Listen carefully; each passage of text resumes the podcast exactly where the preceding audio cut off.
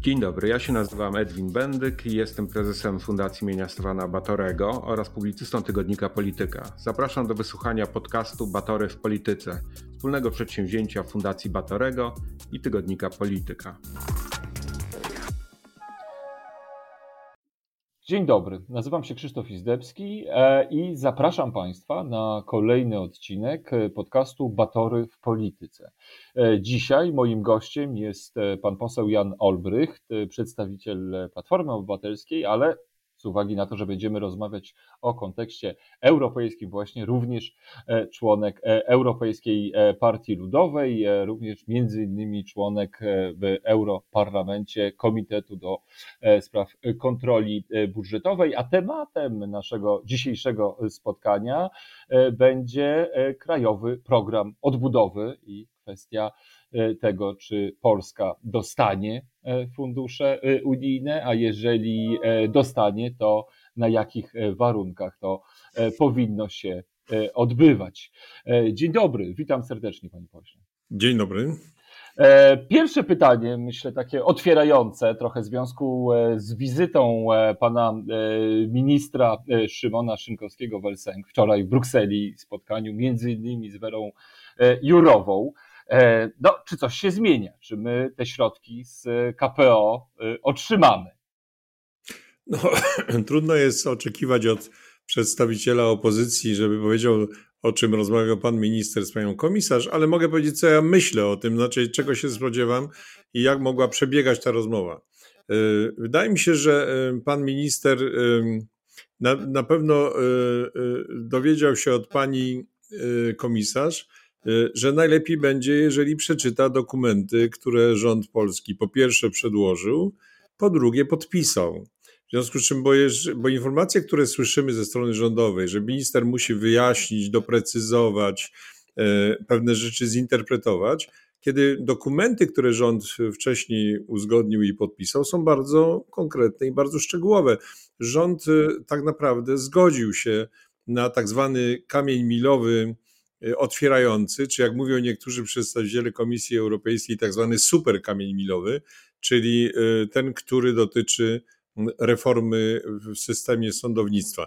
To wszystko jest dokładnie spisane, napisane. Myślę, że jak pan minister pojechał do pani komisarz, to ona dokładnie mu przypomniała, co rząd, y, na co się rząd zgodził i co jest tam napisane. Pamiętajmy, że komisarz i w ogóle cała komisja jest związana w tej chwili decyzją Rady. Y, y, Rada zatwierdziła polski plan odbudowy, w tym również zatwierdziła zaproponowany przez Polskę y, plan reformy systemu sądownictwa. Komisja nie może tutaj ani niczego zmienić, ani niczego interpretować. Komisja ma po prostu wykonać decyzję Rady. No właśnie, a czy to jest rzeczywiście tak, że e, to jest kwestia tylko i wyłącznie reformy sądownictwa, czy tych zmian, które w e, krokach bilowych się e, pojawiły, dotyczące między innymi postępowań dyscyplinarnym, czy jest, dyscyplinarnych, czy jest jeszcze coś, co no, powoduje, czy może powodować, że te środki nie zostaną wypłacone? No to, to rzeczywiście w tej chwili wszystko się koncentruje na praworządności, ale przypomnijmy, że każdy krajowy plan odbudowy w każdym kraju Unii Europejskiej ma y, pewne swoje wskaźniki, czyli wtedy, kiedy osiąga się określone rezultaty. Ponieważ krajowe plany odbudowy składają się z dwóch części, wszystkie krajowe plany odbudowy. Po pierwsze, mają zestaw reform, i po drugie, mają zestaw inwestycji. Oczywiście te inwestycje wynikają z tych reform. Y, jeżeli osiągnięty jest pewien etap reform, to wtedy mówimy o kamieniach milowych. Jeżeli, jeżeli osiągnięty jest pewien etap inwestycji, to mówimy o tak zwanych osiągniętych celach. I teraz tych kamieni milowych oraz celów w polskim KPO jest około 300. Y, one dotyczą w sprawie reform, oczywiście poszczególnych etap, y, etapów reform, takich reform jak chociażby kwestie związane z polityką energetyczną. To dotyczy chociażby reformy związanej z wiatrakami. Y, to tam, tam jest również reforma na przykład planowania przestrzennego. Tam są również reformy systemu edukacji. To są reformy i każda, każdy etap to jest kamień milowy. W przypadku inwestycji to, jak powiedziałem, są osiągnięte cele. Natomiast w przypadku polskiego KPO, tak zwanym kamieniem milowym otwierającym ponieważ od niego zależy całe KPO, jest poprawienie systemu praworządności i na to się polski rząd zgodził. Y, przedstawiając y, plan tej, tej reformy.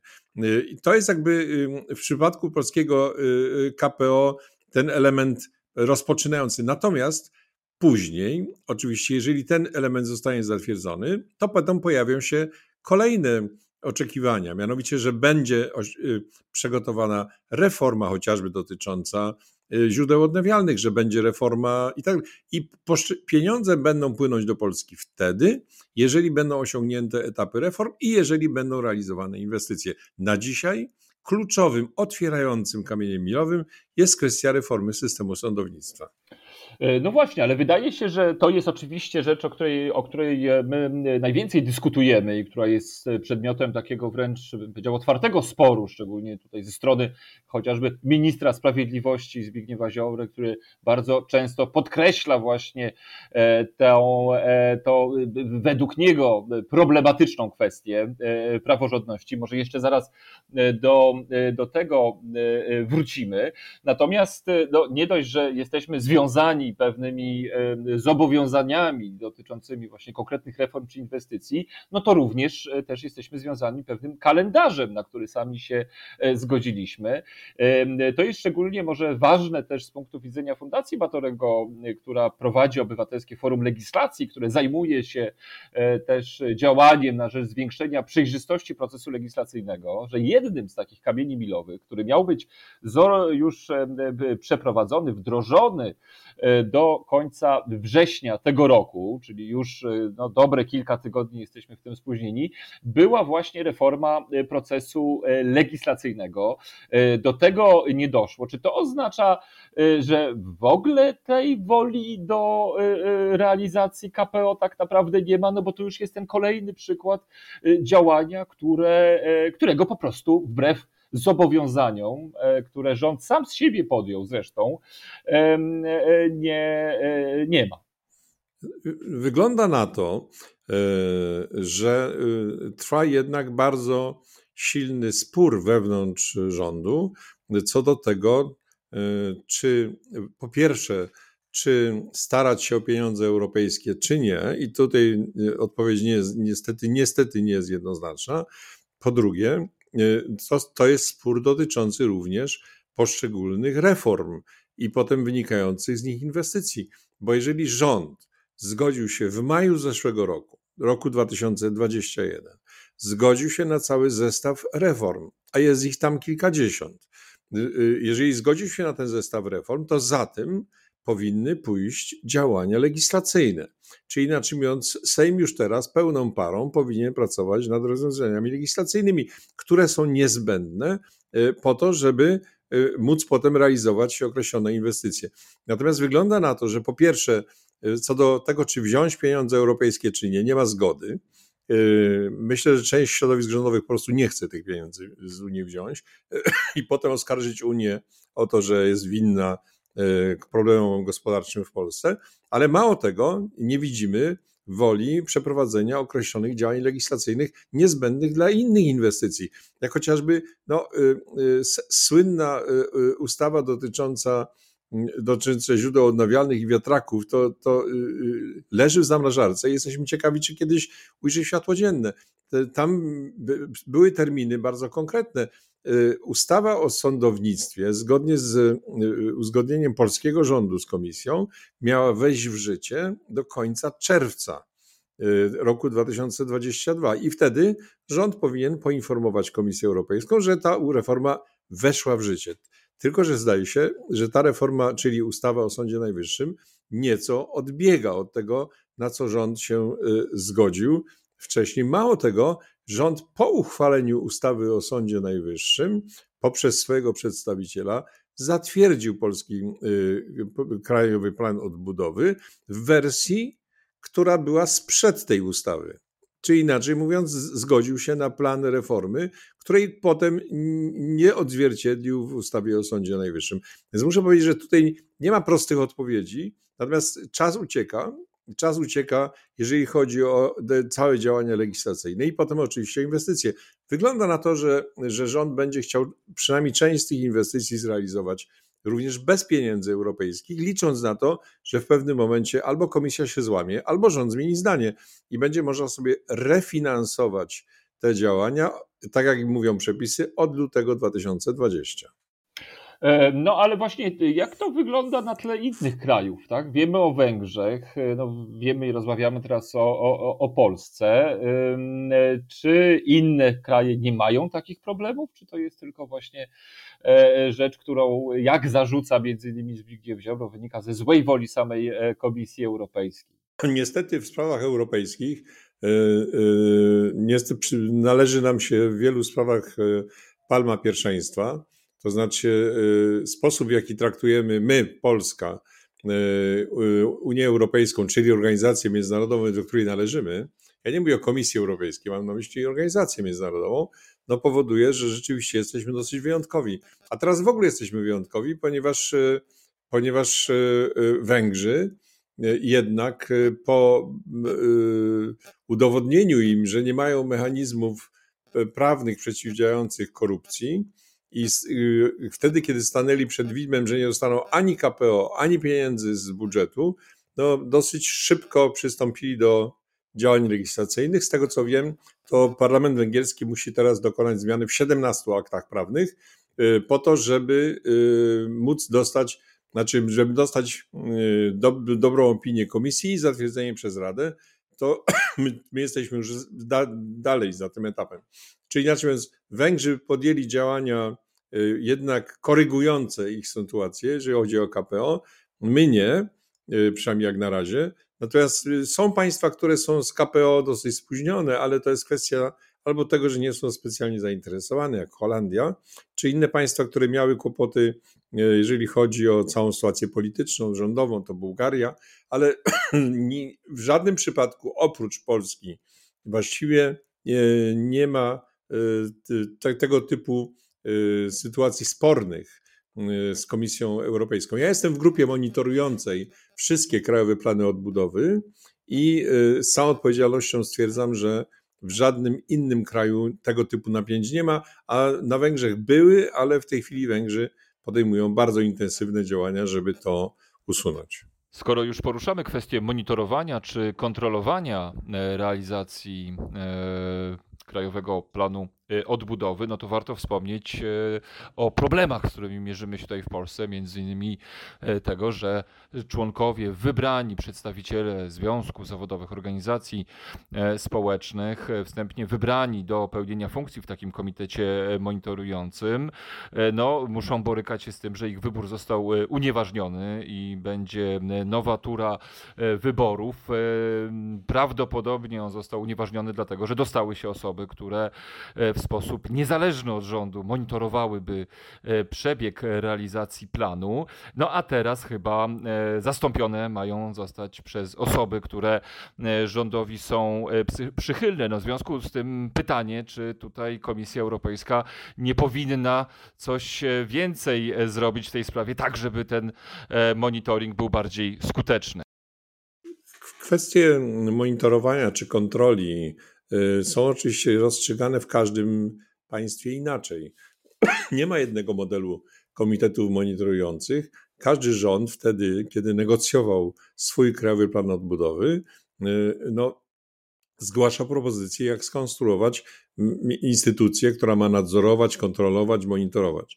W przypadku Polski no, nie da się ukryć, że kwestie Również monitorowania związane są z praworządnością, bo chodzi o zachowanie bardzo jednoznacznych i czytelnych reguł. I na etapie negocjowania KPO rząd e, zgodził się na, na, na określoną formułę e, Komitetu Monitorującego, ale wygląda w ostatnich dniach, e, że ta formuła nie wszystkim rządzie odpowiada i, i rząd ma zamiar zmienić skład komitetu monitorującego. Ale to nie jest pierwsza rzecz. E, z tego, co mówili mi posłowie mm, Sejmu, e, to na przykład jednym z elementów ważnych w KPO jest to, żeby objąć pieniądze z Funduszu Odbudowy i z KPO regułą wydatkową, która jest. I mówili mi posłowie, że właśnie w ostatnich dniach Sejm postanowił wyłączyć te pieniądze z reguły wydatkowej. Co oznacza, że tak naprawdę jesteśmy świadkami, że rząd właśnie zlikwidował kamień milowy, na który się zgodził, który zaproponował. W związku z tym naprawdę jest trudno powiedzieć, czy rząd ma zamiar zrealizować swój własny plan zgodnie z tym, co ustalił, czy, czy też powoli w niektórych elementach będzie go rozmontowywał, stwarzając trudniejsze sprawy, ponieważ pamiętajmy, że ten plan, polski plan, został zatwierdzony przez Radę, czyli przez ministr, wszystkich ministrów państw Unii Europejskiej. Także sprawa jest naprawdę bardzo poważna. Nie można w tym, proszę wybaczyć sformułowanie, majsterkować i teraz to zmieniać. No coś jednak rząd polski mm, zaproponował, na coś się zgodził. No i to jest kwestia w ogóle reputacji, nie tylko rządu, ale w ogóle naszego kraju.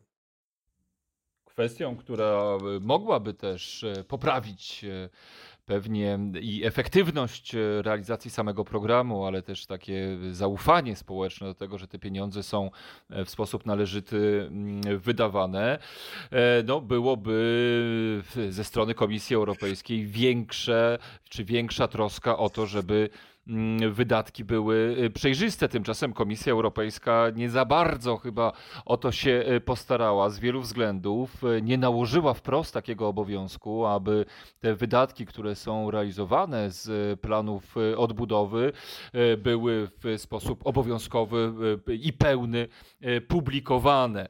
No, czy w związku z tym też rodzi się oczywiście pytanie, e, czy nie jest to jakiś e, błąd ze strony samej Komisji Europejskiej? Jakie to mogłoby mieć też w, w tym przypadku prawda, konsekwencje? No, wie pan, gdyby, gdyby komisja, gdyby legislatorzy, czyli, czyli Rada i Parlament Europejski chcieli przygotować rozwiązania prawne, które by przeciwdziałały działaniom niektórych rządów, w tym rządu polskiego, to rzeczywiście bylibyśmy świadkami no, powoli zmieniania się w ogóle Unii Europejskiej w taki jakiś dziwny instrument nadzorujący, który ma brak zaufania do swoich członków. Jednak sytuacja jest inna. To jest organizacja międzynarodowa państw członkowskich i tu jednak zakłada się jednak zaufanie do do innych państw, że państwa będą postępować racjonalnie. Ale dotknął Pan problemu bardzo poważnego, mianowicie e, tego, że mamy do czynienia z zupełnie innym podejściem e, w polityce europejskiej. Myślę, że to też warto podkreślić. Mianowicie my do tej pory jesteśmy przyzwyczajeni do e, pracy z funduszami europejskimi, funduszami strukturalnymi związanymi z polityką spójności. Ten sposób pracy polega na tym, że Komisja Europejska, czy, czy też w ogóle y, instytucje europejskie dają pewną ramę.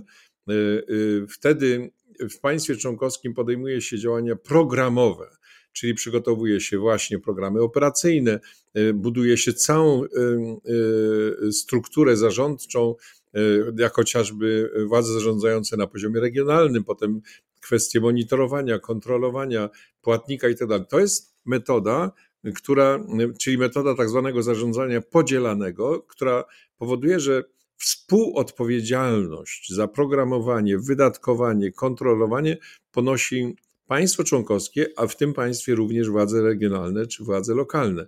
E, y, natomiast KPO jest zupełnie inną metodą i to warto o tym powiedzieć. Mianowicie państwa członkowskie zgodziły się na zaciągnięcie kredytów na rynkach finansowych w sytuacji kryzysu post-covidowego, ale zgodziły się pod warunkami. Znaczy powiedziały, zgadzamy się na zaciągnięcie kredytu, ale te pieniądze będą wydawane inaczej. Znaczy one będą wydawane po pierwsze przy bardzo silnych rygorach, po drugie ograniczone czasowo, bo to chodzi o instrument y, y, y, antykryzysowy, a nie nowy element polityki europejskiej. To ma być instrument, który jest pod bardzo silną kontrolą Rady. Proszę pamiętać, że na przykład każdy KPO jest zatwierdzany przez ministrów, a nie przez Komisję Europejską. Mało tego, to, to, to zarządzanie, określane mianem zarządzania bezpośredniego, y, jest zupełnie inaczej potem programowane i rozliczane. Proszę zwrócić uwagę, tu mamy do czynienia z jednej strony są ramy, czyli na przykład ilość pieniędzy na klimat czy na cyfryzację, Państwo członkowskie na tej podstawie powinno przygotować swój plan, Plan jest następnie opiniowany i zatwierdzany, po czym państwa członkowskie przynoszą informację, że osiągnęły określony etap czy kamień milowy.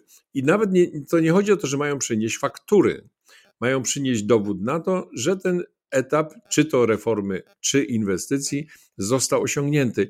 Mówi się o tak zwanej metodzie performance based, czyli nie na podstawie dokumentów, ale na podstawie stwierdzonych faktów. To wszystko się ma odbywać sposób maksymalnie uproszczony, maksymalnie mm, przyspieszony, co w konsekwencji, w konsekwencji, wracając do Pana pytania, powoduje, że na przykład kwestie konsultowania tego z władzami regionalnymi, lokalnymi oraz organizacjami pozarządowymi tu są sprowadzone do y, y, po, poziomu y, możliwości, znaczy jest to opcjonalne, natomiast nie jest tutaj obowiązkiem, co zresztą my bardzo poważnie krytykujemy jako, jako Parlament Europejski. Ale trzeba sobie wyraźnie powiedzieć, że tak ta metoda jest skonstruowana. To jest inna metoda ona y, y, właśnie dlatego, że ma być szybka, ma być bardzo y, sprawna, ona powoduje, że kontrolowanie poszczególnych wydatków jest bardzo trudne, bo, bo rząd będzie informował o tym, że osiągnął kamień milowy, a, a kto te pieniądze dostał, to dowiemy się dopiero, dopiero później. Także zastrzeżenia, o których Pan mówi, są rzeczywiście słuszne. Kwestia transparentności jest w tej metodzie, niewątpliwie mniej podkreślana niż w funduszach strukturalnych. Ta metoda może doprowadzić, i o tym też mówimy w Brukseli, do centralizacji zarządzania funduszami. I już w tej chwili Parlament Europejski proponuje, że przy y, dodaniu nowego elementu do KPO, czyli tak zwane Repower EU, powinno być obligatoryjne obligatoryjne konsultacje z organizacjami pozarządowymi i y, władzami lokalnymi, regionalnymi. Czyli inaczej mówiąc, uważamy my jako posłowie, że to jest słaby punkt tej metody y, y, i, i, i trzeba by wyraźnie go zmienić. Niektórzy wskazują, że taką alternatywą do tych problemów i takim sposobem e, rozwiązania ich, e, tych, tych wyzwań też związanych e, z pewnym oporem administracji centralnej, delikatnie mówiąc, przed tym, żeby krajowy plan odbudowy realizować, byłoby, byłaby próba obejścia tego systemu i przeznaczenie środków z krajowego planu odbudowy no, bezpośrednio do tych podmiotów, które też przecież e, mają być doinwestowane, czyli na przykład e, samorządów. No, e, wiadomo jest, że jest wiele takich instytucji, które też chciałyby i, i z planu wynika, że powinny podlegać i reformom, i inwestycjom. Tymczasem reakcja, akcja rządu no, powoduje, że tych środków po prostu nie ma. No i czy nie jest też jakimś scenariuszem godnym rozważenia, żeby Komisja Europejska e, bezpośrednio przekazywała te środki tym podmiotom, e, które, no właśnie takim jak samorządom, które chciałyby realizować te inwestycje. No, tego typu pomysły pojawiają się głównie w Polsce i na Węgrzech, bo chodzi o to, że samorządy po prostu się obawiają, że będą pozbawione pewnych, pewnych środków. Natomiast wyraźnie jednak powiedzmy, że stroną Chodzi o to, że przy każdym KPO podstawą tego wszystkiego są umowy. Jest umowa finansowa, y, która, którą wyraźnie y, określa, w jaki sposób pieniądze będą przepływały i będą rozliczane. Jest umowa o pożyczce, bo to rząd pożycza od Komisji Europejskiej, i następnie są tak zwane ustalenia operacyjne. Stroną tej umowy, zgodnie z przepisami, jest rząd. I, I każdej z tych umów stroną jest rząd i że rząd negocjuje y, wszystkie te elementy we wszystkich państwach członkowskich. W związku z czym, jeżeli rząd to negocjuje, to jest oczywiste, że nie można tego w żaden inny sposób zrobić. To jest jakby ta strona prawna.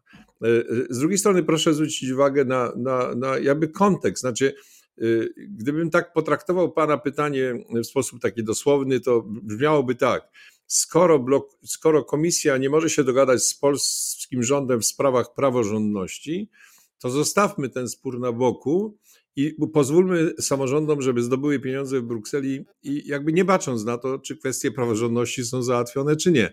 Y, oczywiście nikt się na to y, nie zgodzi, bo, bo dla Komisji Europejskiej y, problemem jest w ogóle kwestia państwa członkowskiego, a nie kwestia rządu czy samorządu.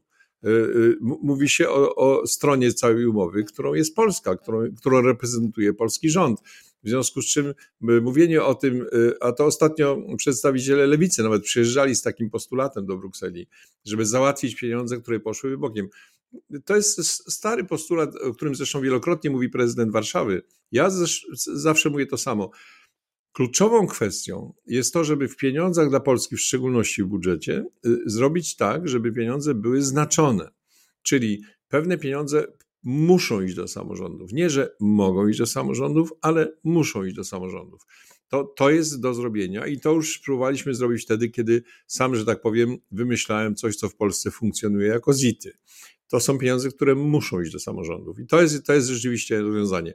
Poza tym komisja organizuje różnego typu konkursy na poziomie europejskim dla miast, w których zresztą polskie miasta biorą udział, ale po ominięcie polskiego rządu, zarówno w KPO, jak i w budżecie, jest moim zdaniem ani z punktu widzenia prawnego, ani praktycznego niemożliwe. Ponieważ już e, nasz e, czas zbliża się nieubłaganie do końca. Mam e, takie pytanie też dotyczące tego, czego możemy oczekiwać e, w przyszłości. Jakie scenariusze mogą się budować, jeżeli chodzi o to, co stanie się w najbliższych miesiącach? No właśnie, czy te pieniądze rzeczywiście otrzymamy, czy też będziemy borykać się z tymi problemami, z którymi borykamy się obecnie, przynajmniej do E, kolejnych wyborów. E, e, a już myślałem, że pan chce mnie postawić w roli wróżki. Znaczy się, raczej przyjmijmy metodę scenariuszową. Metoda scenariuszowa mówi o tym, że może być scenariusz A, scenariusz B, scenariusz C. Scenariusz A jest taki, że rząd przeczyta dokładnie to, na co się zgodził i doprowadzi do takich zmian legislacyjnych, które pozwolą na odblokowanie całej sytuacji z, z KPO i będzie można składać poszczególne wnioski. Wnioski będą jeden po drugim rozpatrywane, wnioski w sensie informacji o wykonaniu, o czym mówiłem wcześniej, i pieniądze będą mogły płynąć dwa razy w roku, w połowie roku i na końcu roku. A pamiętajmy, że tutaj termin na przykład dotyczący pożyczek i decyzji w tej sprawie upływa w sierpniu 2023, a wszystkie inwestycje muszą być zakończone i rozliczone do połowy roku 2026, więc czasu jest bardzo mało. Ale to jest scenariusz pozytywny, czyli ktoś idzie po rozum do głowy, gdzieś tam się konflikt w rządzie, e, jest jakieś przesilenie, być może kończy się rządem mniejszościowym, to każdy, bo ktoś rzeczywiście potrzebuje pieniędzy dla Polski. Druga, druga możliwość jest taka, że, że e, że jednak e, rząd wysyła kolejnego przedstawiciela do Brukseli, on wraca i mówi, że się prawie dogadał, po czym e, mamy informację, że, że to Komisja Europejska kłamie, e, czy coś przekształciła i tak dalej. Nie możemy się na to zgodzić, bo to odbiera naszą suwerenność i w związku z czym realizowany jest program B, czyli będziemy próbowali zrobić KPO bez KPO. Czyli próbujemy zrobić to, co jest KPO, bez pieniędzy europejskich, tylko z pieniędzy naszych oraz pożyczek, które zaciągniemy, na przykład w Chinach, wszystko będzie dużo droższe, natomiast, e, natomiast nie, nie damy sobie odebrać dumy narodowej. Natomiast nie, nie, nie weźmiemy pieniędzy europejskich, to sytuacja jest fatalna. I trzecia, trzecia wersja, która jest wersją dla mnie y, mieszaną, czyli zgadzamy się na, rząd się zgadza na pewne rzeczy, formalnie podpisuje określone dokumenty, po czym, y, po czym okazuje się w rezultacie, że pewnych rzeczy nie robi i, i wtedy dodatkowo oskarża Komisję Europejską o to, że ona dokonuje jakichś zmian, czyli inaczej mówiąc, intencją dogadania się wcale nie jest dogadanie, tylko intencją dogadania się jest pokazanie, że robimy pewien krok, a Komisja Europejska nie chce zrobić. A na końcu przypominam, Komisja Europejska nie ma tutaj ruchu. Komisja Europejska jest związana decyzją Rady i ona po prostu będzie chciała tego oczekiwać. Więc który scenariusz wygra, prawdę mówiąc nie wiem, bo nie wiem jaka jest dynamika tego napięcia y, wewnątrz rządu. Natomiast jako obywatel Polski, jako poseł y, do Parlamentu Europejskiego, mam nadzieję, że jednak y, scenariusz pierwszy zwycięży, ponieważ naszemu krajowi naprawdę te pieniądze są bardzo potrzebne. Na to liczę i liczę na zdrowy rozsądek i na to, że rzeczywiście będziemy mogli z tego skorzystać. Bardzo dziękuję za e, tę e, rozmowę. Naszym gościem w podcaście Batory w Polityce był europoseł e, Jan Olbrycht z Platformy Obywatelskiej i z Europejskiej Partii Ludowej. No i szczególnie dziękuję za to, że mieliśmy szansę i słuchacze i słuchaczki mieli szansę, żeby wgłębić się trochę i w te niuanse wynikające z trudnych relacji Unii i Polski, no ale też jakieś perspektywy perspektywy, jak będzie to wyglądało w przyszłości. Dziękuję bardzo.